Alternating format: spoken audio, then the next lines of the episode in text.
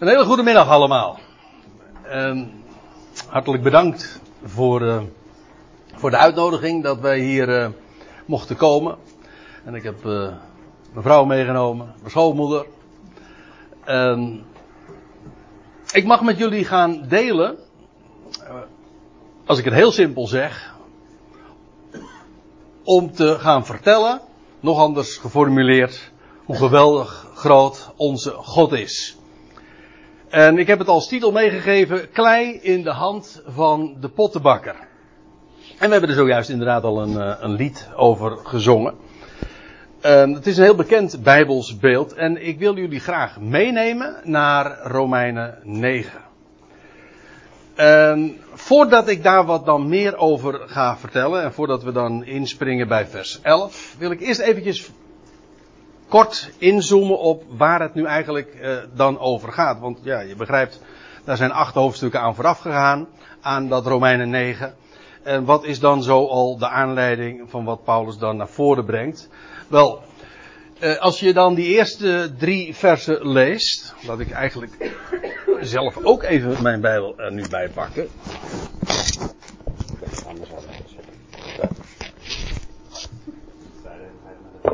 Oké. Ik sta toch niet in het beeld, nee. In Romeinen 9, want het is het handigste natuurlijk altijd om zelf ook je Bijbeltje dan bij je te hebben. Ik, kom jullie heel erg tegemoet door het allemaal ook af te beelden in een PowerPoint. Trouwens, ik zal dat uh, meteen ook eventjes erbij zeggen dat als ik straks ook de Bijbeltekst vermeld, dan is dat heel erg sterk een, een letterlijke vertaling. Dus het komt niet direct overeen met, met de MBG of de Statenvertaling.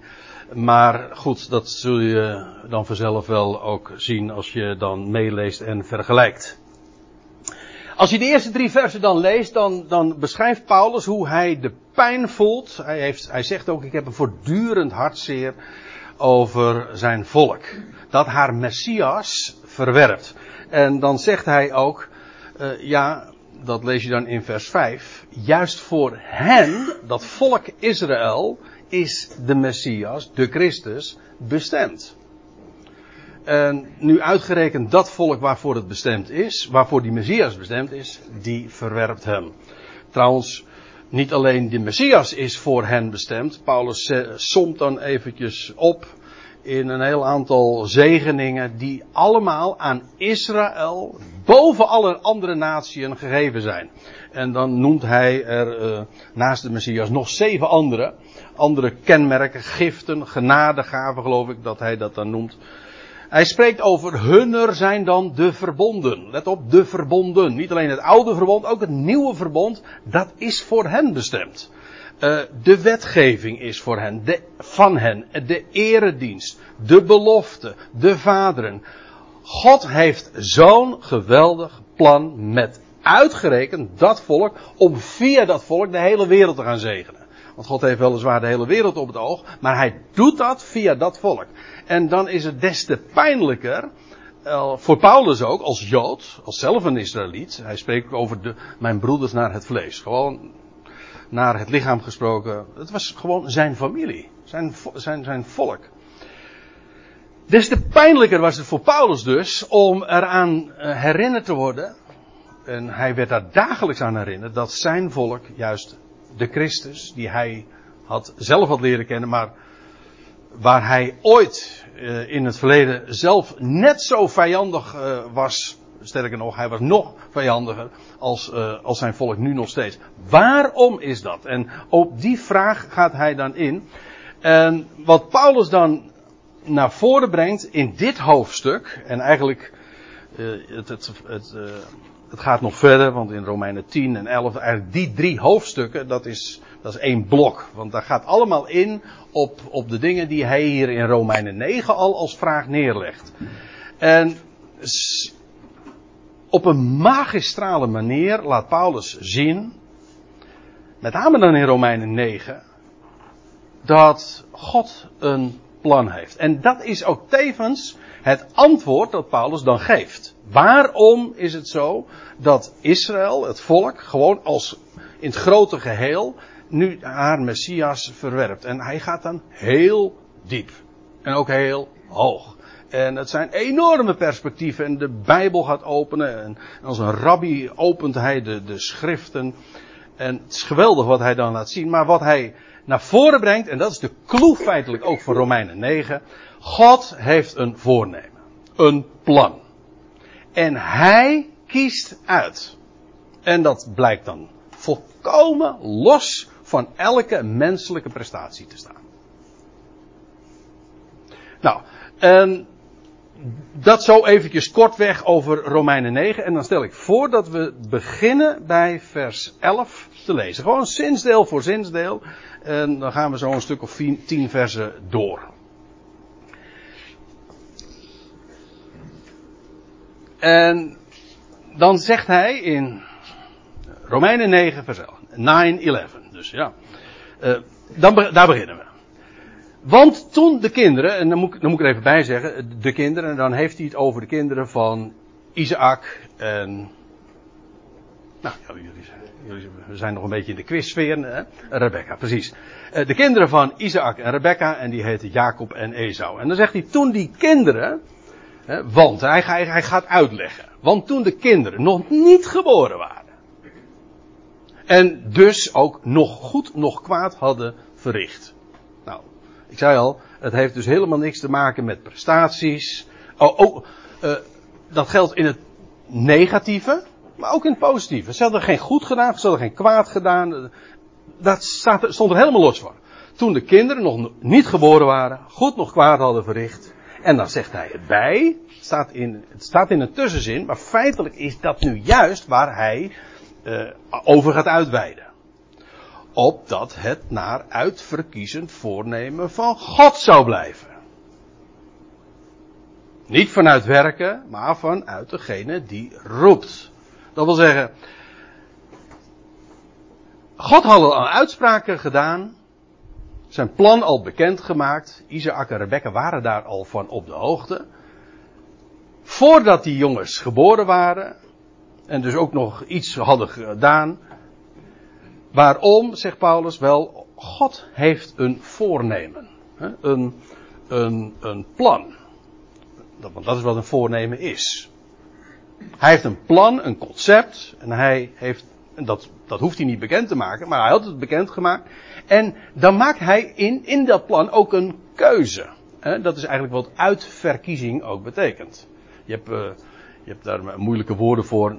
We hebben wel eens gehoord van, uh, van predestinatie. In het Engels zeggen ze predestination, hè, dus voorbestemming, letterlijk. God bestemt voor. Hè. Zoals een, ja, uh, wat doet een architect? Die heeft een bepaald stuk grond en die daar wordt een huis, uh, daar wordt een huis neergezet en dan heb je een bepaald bestemmingsplan. Hè. Dan is dat stuk grond voorbestemd om daar iets op, op neer te zetten. Hè. Dat is voorbestemming uitkiezen, uitkiezen is nog weer wat anders. Hè? Je kunt, als je bij uitverkiezen, dan spreek je over, ja, je hebt een gezelschap en sommigen, of één iemand, wordt daar uitgekozen. Nou, God kiest. God kiest uit. De een wel, de ander niet. In dit geval gaat het over, Jacob heeft God uitgekozen. Dan moet je eigenlijk altijd de vraag stellen, ja, waartoe dan? Nou, uitverkoren voor wat? Oké, God heeft een plan. En in dat plan ja, is het ene eh, heeft hij het ene uitgekozen voor het een en het andere uitgekozen voor het ander. Goed. Dat is wat Paulus wil benadrukken. God heeft, voordat die kinderen geboren waren, had hij al een plan.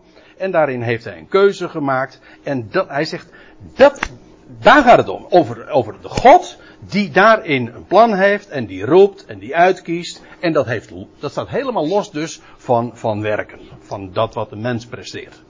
Goed of kwaad, doet niet de zaken. Nou. Laat ik de zin nog één keer lezen. Toen de kinderen nog niet geboren waren, nog goed, nog kwaad hadden verricht. Opdat het naar uitverkiezend voornemen van God zou blijven. Niet vanuit werken, maar vanuit degene die roept werd tot haar, dat in dit geval Rebecca, gesproken, en je leest dat in Genesis 25, dat de grotere slaaf zal zijn van de mindere.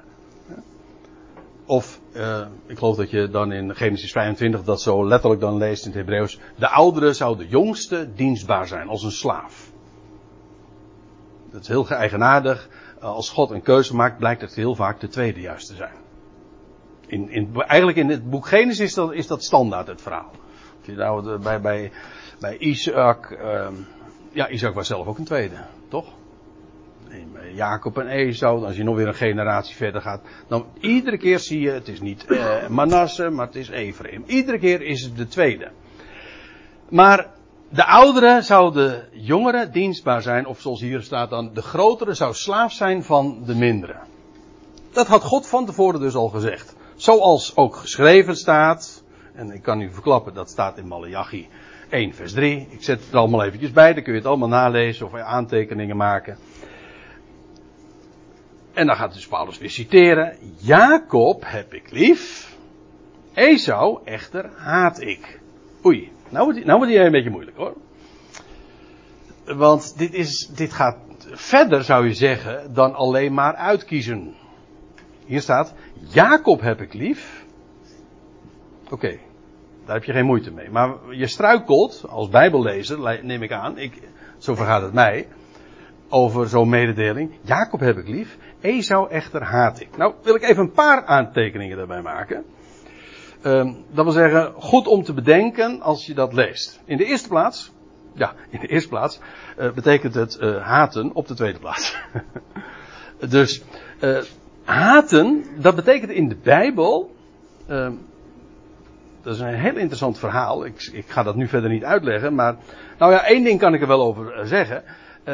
Dat Hebreeuwse woord, dat is shena. En degene die hier uh, Hebreeuws kennen, er zijn er een paar mensen die uh, wel wat uh, Hebreeuws toch kunnen spreken, die weten dat dat shena, dat heeft dus direct verwant aan het woordje shenai. Dat wil zeggen het woord voor twee, of tweede. En dat is leuk. Dat betekent dat haten, dat heeft de betekenis niet zoals bij ons per definitie ergens een, een gruwelijke hekel aan hebben. Nee, het betekent op de tweede plaats stellen. Er zijn hele eh, interessante voorbeelden van. Want je leest bijvoorbeeld van Lea. Eh, Jacob had twee uh, vrouwen. Dat was al een complex verhaal. Maar goed, hij had twee vrouwen. En dan staat er van de een. De een was geliefd. En de andere gehaat. En, maar dat blijkt dan, als je dat dan in verband lijst, helemaal niet een, zo te zijn dat hij, haar, dat hij een hekel aan haar had. Nee, het was zo, de, de vrouw van zijn voorkeur was Rachel. Dat, dat lees je. Zij was geliefd en die andere was de niet geliefde, niet bemind. Zo wordt dat woord ook heel vaak vertaald in het Hebreeuws. In ons Oude Testament. Dus als, dan staat er niet bemind, maar dan staat er letterlijk in het Hebreeuws uh, gehaat. Maar dan moet je dus niet denken aan de betekenis die wij daar dan weer aan toekennen. Soms is dat lastig. Maar ja, uh, de Bijbel is nu helemaal niet in het Nederlands geschreven, dus dat soort dingen moet je dan toch bedenken. En wil ik trouwens nog even een aantekening maken, want Paulus zegt van ja, God had voor de geboorte dus van Jacob en Esau al gezegd van nou die oudste zal de jongste dienstbaar zijn. En hoe is het in de loop der eeuwen gegaan? Het nageslacht van Esau, dat, dat volk ging uh, Edom heten en kreeg ook een gebied. En die hebben, die hebben er ook inderdaad uh, nou wel een potje van gemaakt hoor. En het is zelfs zo erg dat uh, God uh, dat die hele landstreek omgekeerd heeft. En daarover lees je in, in Malachi. En dan, naar aanleiding van Edoms verwoesting, staat dan geschreven van e Esau haat ik. En dan komt daar ook inderdaad toch wel weer die betekenis bij van, ja daar gaan mijn, mijn oordelen ook over. Dus die, die dingen wil ik er even bij betrekken. Maar even terug naar het verhaal. Paulus brengt dit naar voren. God heeft een plan. Punt. Voordat er ook maar iets uh, de mens uh, in het spel komt of iets gedaan heeft, staat er helemaal los van. God heeft een plan. Nou, nou zou je de vraag kunnen zeggen, en dat is leuk in de, in de Romeinenbrief, zoals Paulus dat dan opzet, want hij betoogt. Paulus is uh, heel logisch als hij iets neerzet. En dan heeft hij iedere keer in zijn betoog een, een, een denkbeeldige tegenstander, of een denkbeeldige, hoe noem je dat? Uh, ja, tegenspreker, uh, iemand die gewoon hem, uh, een opponent, ja, die hem dan vragen stelt. wat zullen wij dan zeggen? Je, hij voelt als het ware de vraag al opkomen van, ja hallo, als dat zo is, er is toch geen onrechtvaardigheid bij God. Je zou die gedachte kunnen hebben van dat als God zo zijn plan uitwerkt en van tevoren al uh, aan Jacob en Esau zou uh, hun rol toebedeeld, dan, zeg, dan, dan, ja, dan, dan ligt de vraag zo voor de hand en nou, Paulus stelt hem hier gewoon ook van, is dat niet onbillijk? Is dat niet onrechtvaardig van God? Om dat zo al uh, toe te bedelen aan de mens? Nou, en dan wordt, en dat is typisch Paulus in de Romeinenbrief, vind je dat iedere keer weer terug. Dat hij dan zelf antwoord gaat geven op die vraag die dan opgeworpen is. En dan staat er in de MBG-vertaling volstrekt niet. Of als je een Statenvertaling meeleest, dan staat er dat zij verre. Uh, er staat eigenlijk letterlijk zoiets als van mogen dat niet gebeuren. Dus uh, laat die gedachte uh, niet bij je opkomen dat God daarin niet rechtvaardig zou zijn. En zijn antwoord komt in wat hij dan nu in het vervolg gaat geven uh, op twee punten neer. A. God is God. En dat betekent, Hij is de schepper. En Hij is de Almachtige. Hij is de Alwetende en wij zijn maar schepseltjes. En Hij is ons geen verantwoording schuldig. Dat is één. Dat is eigenlijk vooral Romeinen 9. God is God en Hij is geen, ons geen verantwoording schuldig. En als je dan nog verder leest, dat is niet het onderwerp van vandaag. Want ja, zover komen we nu eenmaal niet. Maar als je dan nog verder leest, dan wordt het Paulus bouwt het echt geweldig op. Want het wordt steeds groter. Want wat blijkt. God is wel degelijk ook rechtvaardig. Niet alleen maar in de zin van hij doet wat recht is en waar hij recht op heeft en hij hoeft helemaal geen verantwoording af te leggen. Dat is één. Maar twee is God is echt rechtvaardig. En dat bedoel ik in de meest letterlijke zin van het woord vaardig om recht te doen. Dat betekent toch rechtvaardig? Hij, hij is geoefend, als ik het zo mag zeggen. Hij weet als geen ander recht te doen. En dat betekent hier ook, hij zet alles recht. Dat is wat eigenlijk rechtvaardig ook betekent. Recht doen, maar ook recht zetten. Maar ook, dat, dat zie, je in het Nederlands ook heel uh, mooi, hè, alles weer te recht brengen. Ook dat zit allemaal in die rechtvaardigheid van God. Is God rechtvaardig, onrechtvaardig? Nee, dat zij verre. Mogen dat niet in je hoofd opkomen. Integendeel, God is rechtvaardig. En, eh, maar goed, dan kom je inmiddels in, in Romeinen 11 uit. Dat hij dan ook naar voren brengt en uit gaat leggen van God heeft de hele schepping op het oog en hij brengt ook alles weer terecht. Op zijn tijd en op zijn wijze. Ja, dan heb je helemaal een, een God die rechtvaardig is. Goed, nou, we, we, lezen even verder. Want we moeten bij die pottenbakken natuurlijk uitkomen. Hè? Dat duurt nog eventjes, maar eh, goed. We, een, eh, Paulus maakt ook nog wel eens gebruik van een lange aanloop en uh, ik doe dat dan ook maar. Want Paulus gaat nog weer. Uh, ja, het is, hij doet echt Bijbelstudie. Hij gaat gewoon uit, uh, voorbeelden geven uit, uit de Hebreeuwse Bijbel, ons Oude Testament. Hij zegt, want tot Mozes, en je kunt dat nalezen in Exodus 33. Want tot Mozes zegt hij, ik zal mij ontfermen over wie ik ook mij maar zou ontfermen. Zo van, dat gaat jullie helemaal niks aan. Dat, ik doe dat over wie ik wil en trouwens bovendien ook op het moment dat ik dat bepaal. En, en ik zal medelijden hebben over wie ik maar, met wie ik ook maar medelijden zou hebben. Dat is, dat is aan mij. Wat, wat je hier dus, wat Paulus maakt zijn punt hier in vers 15. Dat bepaalt God. Of hij iets doet, wanneer hij iets doet, hoe hij iets doet en waar hij iets doet en met wie hij iets doet. Kortom, hij is degene die, ja, volkomen, zoals dat in het oud-Nederlands gezegd wordt, vrijmachtig daarin is. Dus, dan is het niet van degene die wil. Nou, zie je hier de conclusie die Paulus dan trekt. Dus, dan is het niet van degene die wil, nog van degene die rent. Dus als je een MBG-vertaling hebt, dan, dan, lees je van het gaat niet om degene die wil of degene die loopt. Maar als je het in, in de grondtekst zegt, dan staat letterlijk degene die rent. Ik heb daar een, uh, een meningsverschil over met mijn vrouw. ja, die doet niet liever dan rennen. En ik, uh, nou ja, het geintje. Uh, het hangt helemaal niet af van degene die rent.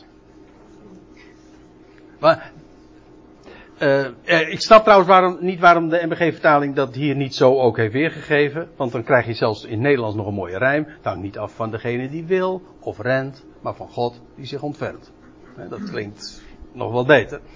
Ook. Wat Paulus zegt van, het hangt er dus helemaal niet van af of je nou, of een mens nou iets wil of niet. Wij, wij geven daar heel erg hoog van op. Hè? Als je, zeker als je, ook als je een christelijke achtergrond hebt, of een evangelische achtergrond met name. Uh, en dat is al, heeft hele oude papieren. Dus eeuwen geleden had je een hele grote strijd in Nederland tussen de Arminianen en de Gomerianen. Nee, ik zie weinig mensen nu zeggen, oh ja. En die, dat ging dan allemaal over de vrije wil van de mens. Kan een mens eigenlijk, heeft een mens eigenlijk wel iets te willen? Hm? En bovendien, als, die, als een mens iets wil, is dat, komt dat dan uit hemzelf voort? Nou, uh, Romeinen 9 speelt daarin uh, een, een, grote rol ook. Uh, Paulus zegt hier van, ja, dus dan is het niet van degene die wil. Dat, dat heeft helemaal niks mee te maken. Dat God Jacob uitkoos, was niet omdat Jacob dat wilde, ook niet omdat Jacob zo braaf was. Want sterker nog, als je puur gewoon met je menselijke bril uh, zulke geschiedenissen kijkt, dan gaat je sympathie zelfs nog eigenlijk naar de ander uit. Zodat je, ja, het hangt helemaal niet af van degene die wil. En ook niet van degene die rent, of zo verschrikkelijk zijn best doet. Ik moet er altijd om lachen, als we het nou toch over Jacob en Ezo hebben. Hè, heb je die geschiedenis dat Jacob toch zo verschrikkelijk zijn best doet om dat eerstgeboorterecht te verwerven. Hij doet, hij zet alles in het werk. Hij rent. Had hij gewoon, dat had hij helemaal niet hoeven doen. Hij had dat, dat, die soep ook gewoon kunnen houden. Dat rode daar, weet u wel. Had hij allemaal kunnen houden, want God had het namelijk toch al beloofd. Dus het hangt helemaal niet ervan af of een mens wil, of sterk wil. Ook niet of hij daar nou zo verschrikkelijk zijn best voor doet van degene die rent, maar van de ontfermende God. God ontfermt zich. En daar is een mens van afhankelijk. En dat is een waarheid die je eigenlijk vanaf het begin van de Bijbel en als een rode draad loopt dat door heel al die boeken van, die, van de Bijbel heen. In de psalmen, juist van de week uh, lazen we dat nog aan tafel voor in, wat is het, 122, wat is het nou? Psalm 122. Uh, over, als de Heere het huis niet bouwt, te vergeefs bouwen de bouwlieden daaraan. En als de Heere, nou help me even. Als de, het huis niet bouwt, te vergeefs bouwen, de, sloegen de bouwlieden daaraan. Hij gaat nog verder, maar ik kom er nu even niet op. Huh? Ik, ik, versta, ik verstond je niet hoor. Als de Heer het huis. Ja, ja, maar die citeerde ik nou weer niet. In dat liedje citeren ze juist datzelfde Bijbelgedeelte. Nou ja, maakt niet uit. Uh, in ieder geval, uh, ja, en dan, of, of je dan blader je even door en dan kom je in het boek Spreuk en dan staat er van, de zegen van de Heere maakt rijk en zwoegen voegt er helemaal niks aan toe. Ja. Nou, dat soort waarheden. Kijk, op, daarover heeft Paulus het hier. Hij zegt, het is niet degene die wil, nog degene die rent. In vers 11 lazen we al van uh, over goed nog kwaad hadden gedaan. Uh, uh, had hij ook gezegd, het is niet vanuit werk. En hier zegt hij, het is niet van degene die wil of degene die rent. Iedere keer die waarheid. God, daar hangt het van af. En dat hij zich ontfermt ja, over zijn werken. Want, Paulus gaat verder, hij verklaart zich weer nader. Want de schrift, en dat staat in Exodus 9, zegt tot Farao. Gaan we weer naar de, eventjes inzoomen op die geschiedenis van van, van Mozes. Dat is, heel, dat is boeiend. Die moet je even nu goed vasthouden.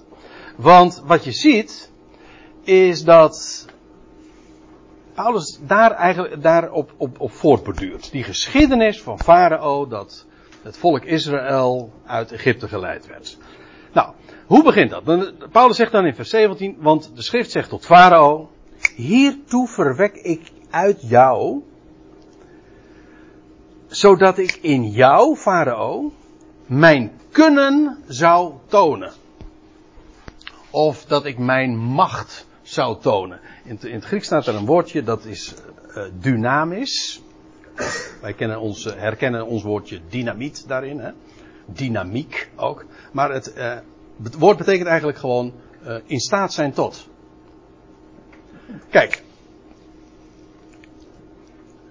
God had Farao nodig, of nou, nou, of God iets nodig heeft, weet ik niet, maar God gebruikt Farao om zich te meten. Kijk, als ik, ik noem maar wat, uh, als ik uh, heel goed kan schaken en ik wil demonstreren dat ik een goede schaker ben, dan heb ik een tegenstander nodig die daar ook goed in is. Als, als ik met iemand ga schaken die die er eh, geen bal van kan en, en dat ik daar dan van win, zeg ja, de, dat is niet moeilijk. Dan toon je niet je kwaliteit. Je, om je kwaliteiten te tonen, te meten, heb je een contrast nodig. Nou, als God nou wil tonen zijn kunnen. En hoe sterk hij is. En zijn macht. En zijn vermogen. En zijn kracht. Heeft hij een tegenstander nodig. Nou, en dan zegt uh, en dan zegt uh, Paulus hier van ja, God heeft die farao daartoe opgewekt. Dat was de machtigste man in die dagen op aarde, vergis je niet. Een gigantisch wereldrijk en aan de top, ik denk aan de Egypte en dus aan de piramide, aan de top had je de farao. Dat was de machtigste man. En als hij nee zei, nou dan zei er echt iemand nee. En hij kon ook in dat, ja, gewoon, hij kon dat ook verhinderen. En juist Farao koos God uit. God koos ook Farao uit. Waarom? Om aan hem, om via hem te demonstreren wat, waartoe God in staat is.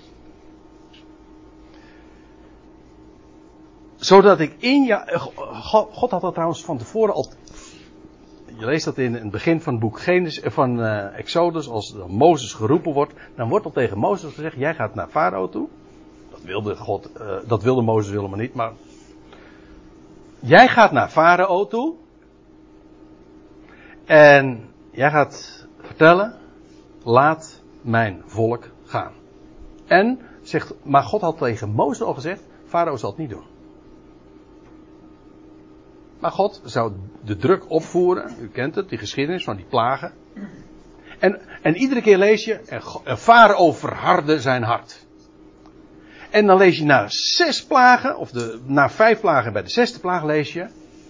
Dan, dan is het moment aangebroken dat Farao eindelijk gebroken is. Dat hij onder de druk van die vreselijke plagen bezwijkt. En dan lees je, en God, ver, God verhardde zijn hart. Eerst was het nog dat Farao daar zelf toe in staat was. En op het, op het moment dat hij niet uh, langer kon, lees je, God verhardde of versterkte zijn hart, zodat hij nee kon blijven zeggen. Ja, een hele sterke tegenstander. En dan staat er nog, uh, nog bij, waarom God dat ook deed. Hij zegt om, om mijn kunnen te tonen, zodat mijn naam verkondigd zou worden in heel de aarde. En nou zijn we, wat zijn we, 3500 jaar ongeveer verder. En nog is dit het voorbeeld bij uitstek, of een van de voorbeelden bij uitstek, waarin God gedemonstreerd heeft, in de geschiedenis, in de, in de, in de volkerenwereld van die dagen, hoe sterk en krachtig hij is. Namelijk door de wijze hoe hij een heel volk heeft uitgeleid uit dat machtige wereldrijk, ondanks dat die farao nee zei. God heeft zijn kracht, zijn kunnen gedemonstreerd. En zo het volk uiteindelijk in het beloofde land gebracht. Vergis u niet, de legermachten en de, en de natieën, die hebben daarvan gezidderd. Later lees je dat als, dat is inmiddels 40 jaar verder, en dan komen, en dan komen de Israëlieten daar het land verkennen, in eh, het beloofde land. En dan lees je nog dat al die mensen die, die hadden dat gehoord.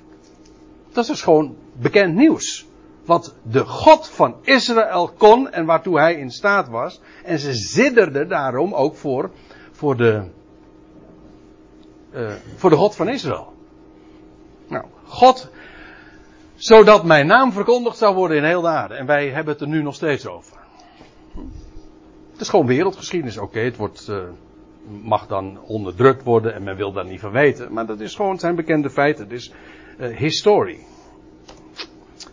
Dus, zegt Paulus, weer die conclusie. Hè? Dus, dan ontfermt hij zich over wie hij wil. Uh, wacht even. Dus dan ontfermt hij zich over wie hij wil. En hij verhardt wie hij wil. Uh, en hij verhardt wie hij wil. Hij ontfermt zich over de een. Maar hij, bij gelegenheid bijvoorbeeld van Farao. Hij verhardt Farao ook. Ik hoop dat uh, bij jou nou net dezelfde vraag op gaat komen waar Paulus eigenlijk ook naartoe wil. Want je wordt steeds kleiner, hè? Maar je denkt, oh, hé, hey, wacht even. Maar wat is hier aan de hand? God ontfermt zich over wie hij wil, maar hij verhardde Farao. En waarom? Nou ja, uh, dat dus dan, dat, dat doelt dus op wat, waar hij het zojuist over had, namelijk God had Farao ingezet, waarom? Om zijn kunnen te demonstreren, opdat via een, een, een, een weerbarstige en een weerspannige Farao, die nee bleef zeggen, die zo machtig is, opdat hij via die figuur zijn naam, dat via zijn naam uh, verkondigd zou worden. Over heel de aarde. Dat dat bekend zou worden. Nou, en daartoe uh, ontfermt hij zich over de een, maar verhardt hij de ander. Namelijk wie hij wil. Nou, en nou komt weer die denkbeeldige opponent, die, die, de discussieerder, die zegt van, hé, hey, wacht eventjes. Maar jij, zegt Paulus dan, maar jij zal nu tot mij zeggen, waarom verwijt hij dan nog? Als dat zo is. Je, als, je, als je dit gewoon leest, uh, aandachtig meeleest, dan, dan had je de vraag eigenlijk min of meer zelf kunnen invullen. Toch? Van, hij, Farao was hier, die speelde zijn rol. Hij was ingezet hiervoor. En nou, nou komt de vraag, maar wat valt er dan nog eigenlijk te verwijten aan het adres van Farao?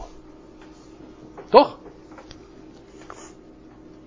Wat verwijt hij dan?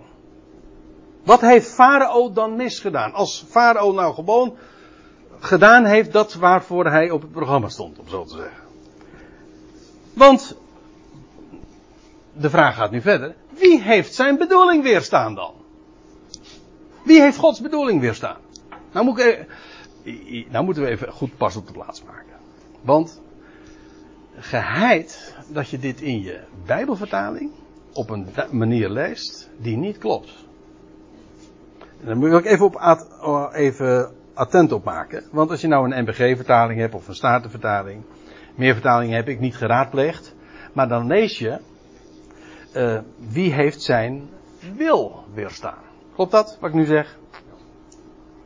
Wie heeft zijn wil weerstaan? Maar dat is niet het woord wat hier gebruikt wordt. Het woordje voor wil, ik, ga, ik, ik zal uh, de Griekse woorden er nu eventjes uh, niet bijhalen, doet even niet de zaak. Maar het woord voor wil is een heel ander Grieks woord. Er staat hier een ander woord en dat betekent eigenlijk Uh, dat is, ja, nou, dat, het Griekse woord is boulema en dat betekent uh, bedoeling. Of de intentie. Of, uh, zoals meestal vertaald wordt, raad. Gods raad.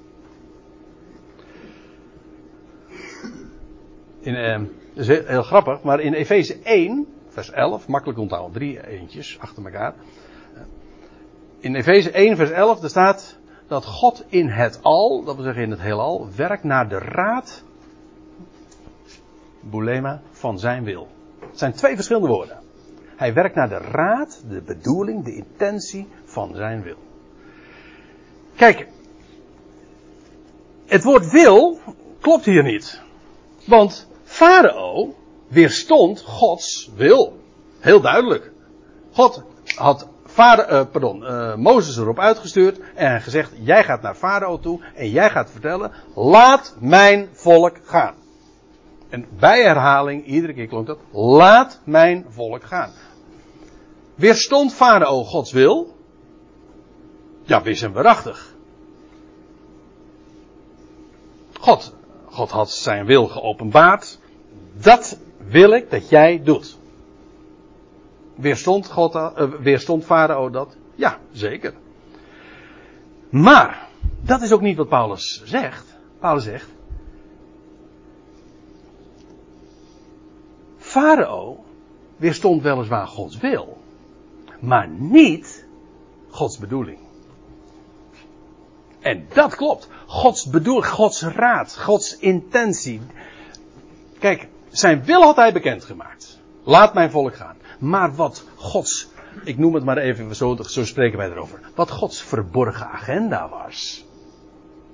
Wat hij op het oog had, wat zijn bedoelingen was, zijn intentie. Dat, had, dat wist Farao niet. Weet je wie dat wel wist? Mozes. Die wist het wel. Het enige wat Farao wist, en dat is feitelijk wat, het enige ook wat hem voor een mens stelt, of het eerste wat voor een mens stelt, en wat is Gods wil. Als je niet uh, bereid bent naar Gods wil te luisteren, dan heb je met zijn intentie helemaal geen bal te maken.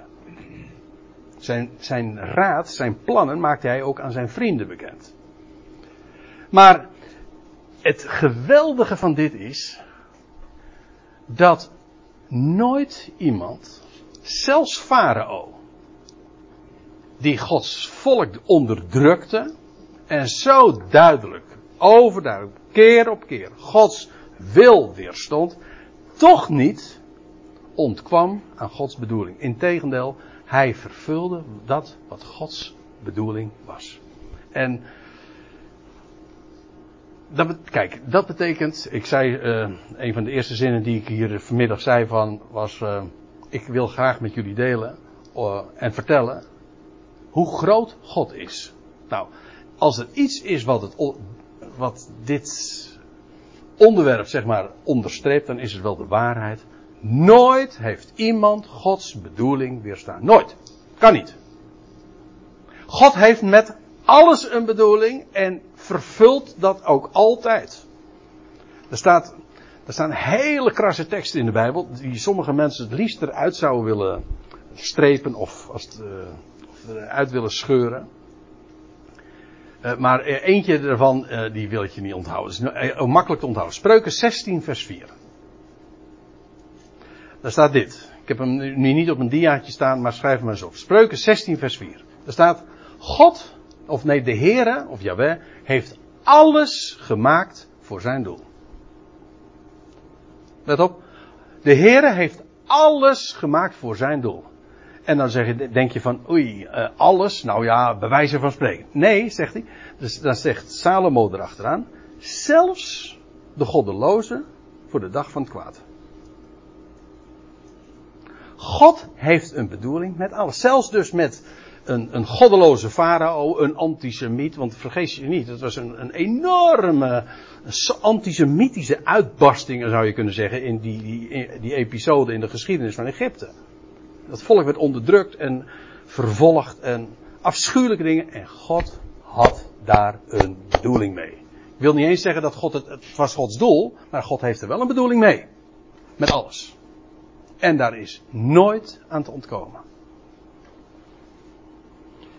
Dus, Farao weerstond Gods wil, maar niet zijn bedoeling.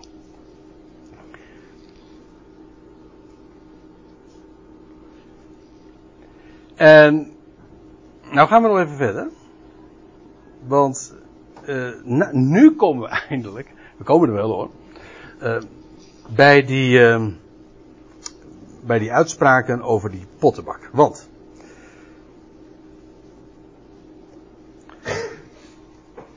dan, zegt, dan gaat Paulus daarop reageren. Hè? Jij zal nou zeggen van ja, maar God, wat, wat heeft God nou nog aan te merken? Als Farao dan toch heeft gedaan wat, wat, wat zijn bedoeling was. Uh, want hij heeft toch niet Gods bedoeling weerstaan? Nou, dan zegt Paulus, sterker nog, sterker nog, oh mens. Uh, feitelijk, wat Paulus doet, is bevestigen dat inderdaad nooit iemand Gods bedoeling heeft weerstaan. Nooit. En nou zegt hij, ik ga er zelfs nog een schepje bovenop doen. Het is nog sterker dan. Het is nog sterker. En nou komt de vraag. Wie ben jij dat je de God tegenspreekt? Nou, ook dat is wel opmerkelijk. Nou komt een hele heftige vraag. En God, en nou gaat Paulus daar antwoord op geven. En hij bevestigt gewoon de conclusie, inderdaad. Niemand heeft Gods bedoeling weerstaan. Maar nou ga hij zeggen, ik ga er nog een stapje, ik ga nog een stapje verder. Ik doe er nog een schepje bovenop jij hebt niet eens het recht om God tegen te spreken. Wie, wie, wie ben jij? Het, eigenlijk, het is in de vorm van een vraag. Het is een tegenvraag. De kritische mens krijgt een vraag door. Wie denk jij nou wel dat je bent? Dat je deze vraag kan stellen. Wie ben jij? Uh, waar doet je dat aan denken? Nou, ik weet, en mij doet dit heel erg denken aan, aan het boek Job. Waar je ook uh, eh, 37 hoofdstukken lang allemaal uh, kritische mensen hoort. de vrienden van Job. Van uh, ja, waarom dat nou gebeurde. En de hele betogen worden daar opgebouwd. En uiteindelijk, dan pas eindelijk in hoofdstuk 38 neemt God het woord. En het opmerkelijk is, het is één of twee hoofdstukken lang. gaat God spreken.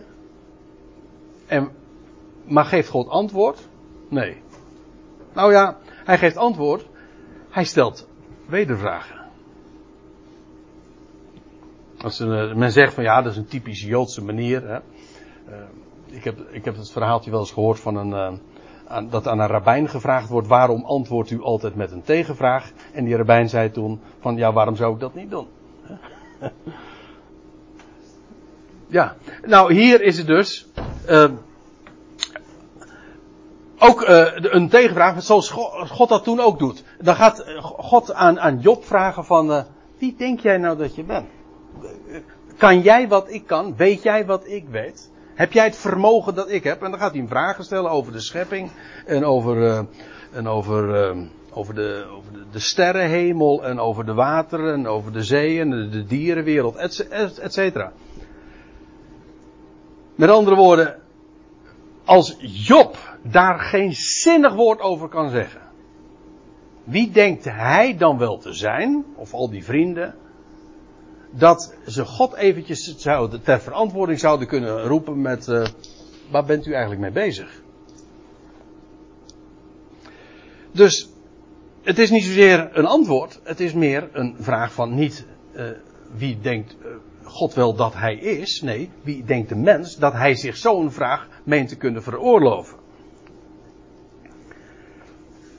En nou komen we op het, op het beeld van, de, van dat boetseersel. En dat is, is, een schitterend beeld. En dat zet de mens nou precies op zijn plaats. Want Paulus zegt de stelt de vraag van, wie, wie ben jij? Wie ben jij dat jij God zou tegenspreken in deze? Weet je, en eigenlijk beantwoordt hij die vraag dan zelf, wie ben jij? Nou, weet je wat je bent? Gewoon een stuk klei. Dat is wat hij zegt. Het geboetseerde zal toch niet tegen de boetseerder zeggen: Waarom maak jij mij zo? Dat is toch krankzinnig? Als God. Kijk, wij zeggen dat wel, hè? God is de schepper van alle dingen. Hij is de grote creator. Ik heb mezelf niet bedacht. Ik heb mezelf niet gemaakt. Er is niet, geëng, elke creatuur, van het klein tot groot, het is allemaal het ontwerp van God. Gemaakt door God. En hij heeft een plan. En dus staan wij in dezelfde relatie tot God als klei in relatie tot een pottenbakker. Hij maakt. En een pottenbakker hoeft zich niet te verantwoorden naar dat klei. Hij, hij maakt dat gewoon.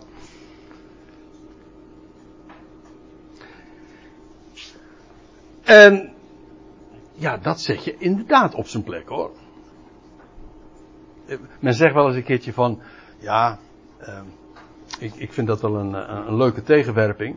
Dat men dan zegt van ja, als wij zo, uh, als, als het zo in elkaar steekt, dat, dat God de schepper is, maar ben ik dan eigenlijk niet gewoon een, een, een robot? en, en, maar dan gaat, uh, maar Paulus zegt nog veel sterker, we zijn geen robot. Want voor robotten, nou die uh, moet je maar eens een keertje vragen aan mensen. Er zitten hier mensen die hier uh, erg veel weten van IT enzovoort. Die, die doen dingen soms die, die de designer, de ontwerper helemaal niet in gedachten heeft. Hè? Maar nee, een mens is geen robot. Een mens is gewoon alleen klei. Gewoon een stukje aarde. Oké, en God blaast daarin. En God heeft. En hij maakt vaten. Hij uh, wij zijn boetseersel en hij vormt, hij formeert. En Paulus uh, gaat verder, vers 21. Of heeft de pottenbakker dan niet de autoriteit over het leem? De, de, als je de MBG-vertaling staat, de, heeft hij niet de vrije beschikking? Moet hij, moet hij gaan zeggen van waar hij mee bezig is? Hij hoeft zich toch niet te verantwoorden? Dat is toch absurd? Heeft de pottenbakker niet de autoriteit over het leem om uit hetzelfde kneedsel, uit, hetzelfde, uit dezelfde klomp staat er geloof ik eh, in de meeste vertalingen, uit, hetzelfde stuk klei, het ene voorwerp te maken tot eer en het andere tot oneer, of uh, zonder eer, gewoon uh, voor alledaags gebruik. Ja, een pottenbakker die maakt, eh, die maakt een, een, een, een, mooie, mooie beker bijvoorbeeld. Dus voor, en, maar het andere maakt hij, uh, maakt hij voor op het dressoir, of voor de zier. Om een, een plek van, van, van eer te krijgen, om in het oog. Het ene, om, om het nog anders te zeggen, uit de ene pot eet je en een ander potje zet je weer onder het bed. Ja. En dat, dat is de pottenbakker. Hij maakt gewoon. En, en hij, doet, hij doet dat niet willekeurig. Nee, geen ene pottenbakker die, die uh, als, je als jij een echte pottenbakker bent, dan maak je iets met, heb je daar je ideeën, je hebt je plannen daarover. En, en je bent, als je daarin vaardig bent, dan maak je echt iets. Maar je hebt geen verantwoording af te leggen naar dat stuk klein natuurlijk. Nou, dat is de verhouding. En als je nou daar, word, daar, word, daar word je heel erg klein van. Daar word je echt zo klein van. Want dat betekent dat hij de grote schepper is van alles. En hij heeft een plan met elk schepsel. En hij gaat zijn weg. Hij ging zijn weg met Mozes, die hij riep hè, om, ja, voor zijn rol. Maar hij heeft ook een farao gemaakt. Dat was niet erg eervol. Maar bedenk wel, ook die farao is een creatie van Gods hand. Werk van zijn handen. En daarvan zegt de Bijbel. Op allerlei plaatsen. Ik citeerde zojuist de psalmen. Maar hij zegt, hij zegt. Hij laat nooit varen de werken van zijn handen. En met een Esau had hij een andere heeft hij een ander plan dan met een Jacob. Maar ook met Esau heeft hij een plan. Dat is nou niet het onderwerp, maar het gaat mij er eventjes om. Het ene is misschien eervoller dan het andere. Maar alles, met elk creatie, heeft hij een plan, heeft hij, hij heeft een concept. En hij gaat zijn weg. En hij gaat ook elk vat, dat is eigenlijk wel een mooi beeld, ook zoals de Bijbel het gebruikt. Hij is de pottenbakker en de mens, ja, wij zijn een stuk klei en we zijn eigenlijk ook een leeg vat. En bestemd ook om gevuld te worden. Dat gaat hij ook doen. Hij gaat ons vullen. Op zijn tijd, op zijn wijze. Nou. In werkelijkheid gaat Paulus hier natuurlijk nog uh, veel verder. Maar het ging mij eventjes om dat, om dat beeld van die, van die pottenbakker. Uh, het is, wordt tijd om nu onze, onze conclusies te trekken. Uh, in de eerste plaats dit. Want dat hebben we nu tot dusver wel gezien. Uh, als je wil weten van ja, waar, waar ging het nou eigenlijk over?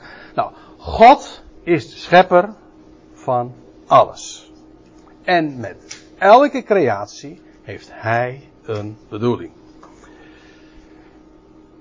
Wat je ook niet mag vergeten, is dat een mens, die kan Gods wil weerstaan, maar nooit, hou dat vast. Gods raad nooit. Gods bedoeling nooit.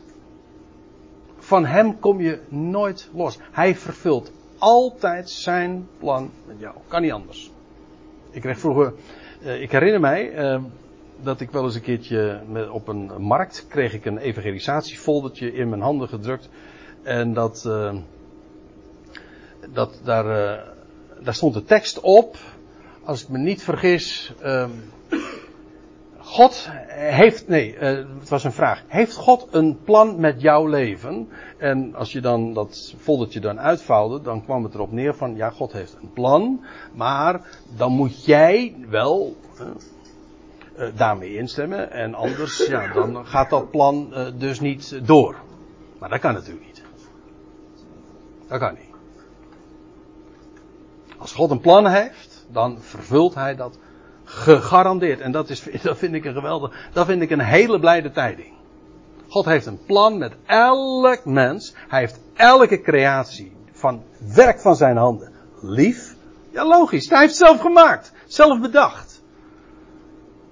Maar dat brengt hij ook tot vervulling. Nooit kan zijn bedoeling, zijn geheime agenda, om zo te zeggen, weerstaan worden. En wat je ook nooit mag vergeten, hij is God. En hij is geen verantwoording schuldig. Het woord God, dat betekent hij is, uh, hij is degene die alles een plek geeft. In het, in het Grieks het woordje theos, dat betekent eigenlijk theo, theologie. Dat betekent eigenlijk degene die een alles plaatst. Hij zet alles op zijn plek. Op zijn tijd ook. Op, ook op precies op die plaats waar hij het hebben wil. Hij timed, hij heeft een plan. En ja, dat maakt hem God. En laat hem God zijn. En wat je ook niet mag vergeten, is dat Gods werk nog steeds in uitvoering is. Zijn werk is nog niet af. Wij hebben misschien wel eens het idee van, ja, God heeft ooit de schepping geschapen en dat is af. Nee, God, hij, die, dat, dat scheppingswerk, natuurlijk, hij, je leest op de, ze, de dag staakte hij, maar dat, dat is een ander verhaal. Zijn, de schepping zelf gaat door. En de crea zijn scheppingswerk is nog lang niet af. Hij, hij formeert als een, als, een, als een pottenbakker. En dat gaat nog hele wereldtijdperken liggen en nog voor ons dat God als de pottenbakker, als de schepper, de dingen formeert en neerzet. Dus waarom, waarom is dit belangrijk? Om je te realiseren. Dat betekent dat je ook nog niet je oordeel kan geven over Gods, over Gods werken. Net zo goed als dat je als een auteur bezig is met een boek te schrijven. Dan moet je niet hem uh, het boek al gaan recenseren als je alleen nog maar drie hoofdstukken hebt gelezen. Dus wacht eventjes. Eerst uh, moet het werk af zijn. En dan pas mag je je oordeel erover geven. Of een, nou ja, welke artiest je ook neemt. Hè? Of een muziekstuk. Of dat je een, een, een schilderij hebt. Eerst moet het afwezen. En het is nog in uitvoering. En elk oordeel dat wij nu menen ons te kunnen veroorloven naar de schepper toe, is gewoon een vooroordeel. Gewoon te, te vroeg gesproken. Zijn werk is nog in uitvoering. Under construction, hè, lees je dan. Nou, dat is, het, dat is het verhaal. En dat betekent dat je pas op de plaats zou maken. Maar uh, wat je vooral ook moet weten. Ja, dit, al, al deze dingen zijn zo elementair. Maar wat je vooral ook moet weten. Gods werk is nog niet af. Maar reken maar. Dat als het eenmaal af zal zijn. Dat het zo adembenemend groots en heerlijk is. En, daar, en dat is het geweldige. Daar ontbreekt ook helemaal niemand. Ook een farao niet, een Ezo niet, of noem maar op.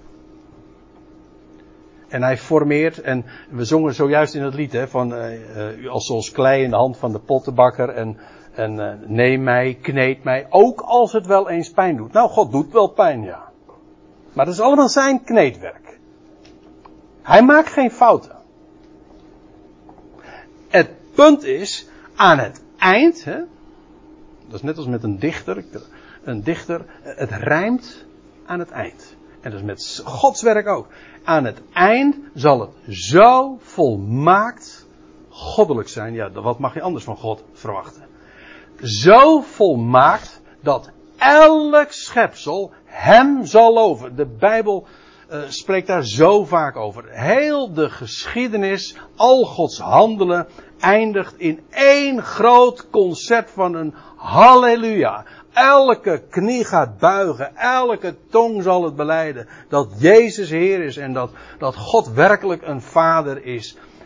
Of uh, als je dat in Romeinen 11 zou lezen, want Paulus gaat dan verder en dan zegt hij in Romeinen 11 aan het eind van, ja, God heeft allen onder de ongehoorzaamheid besloten. Gewoon heel de mensheid.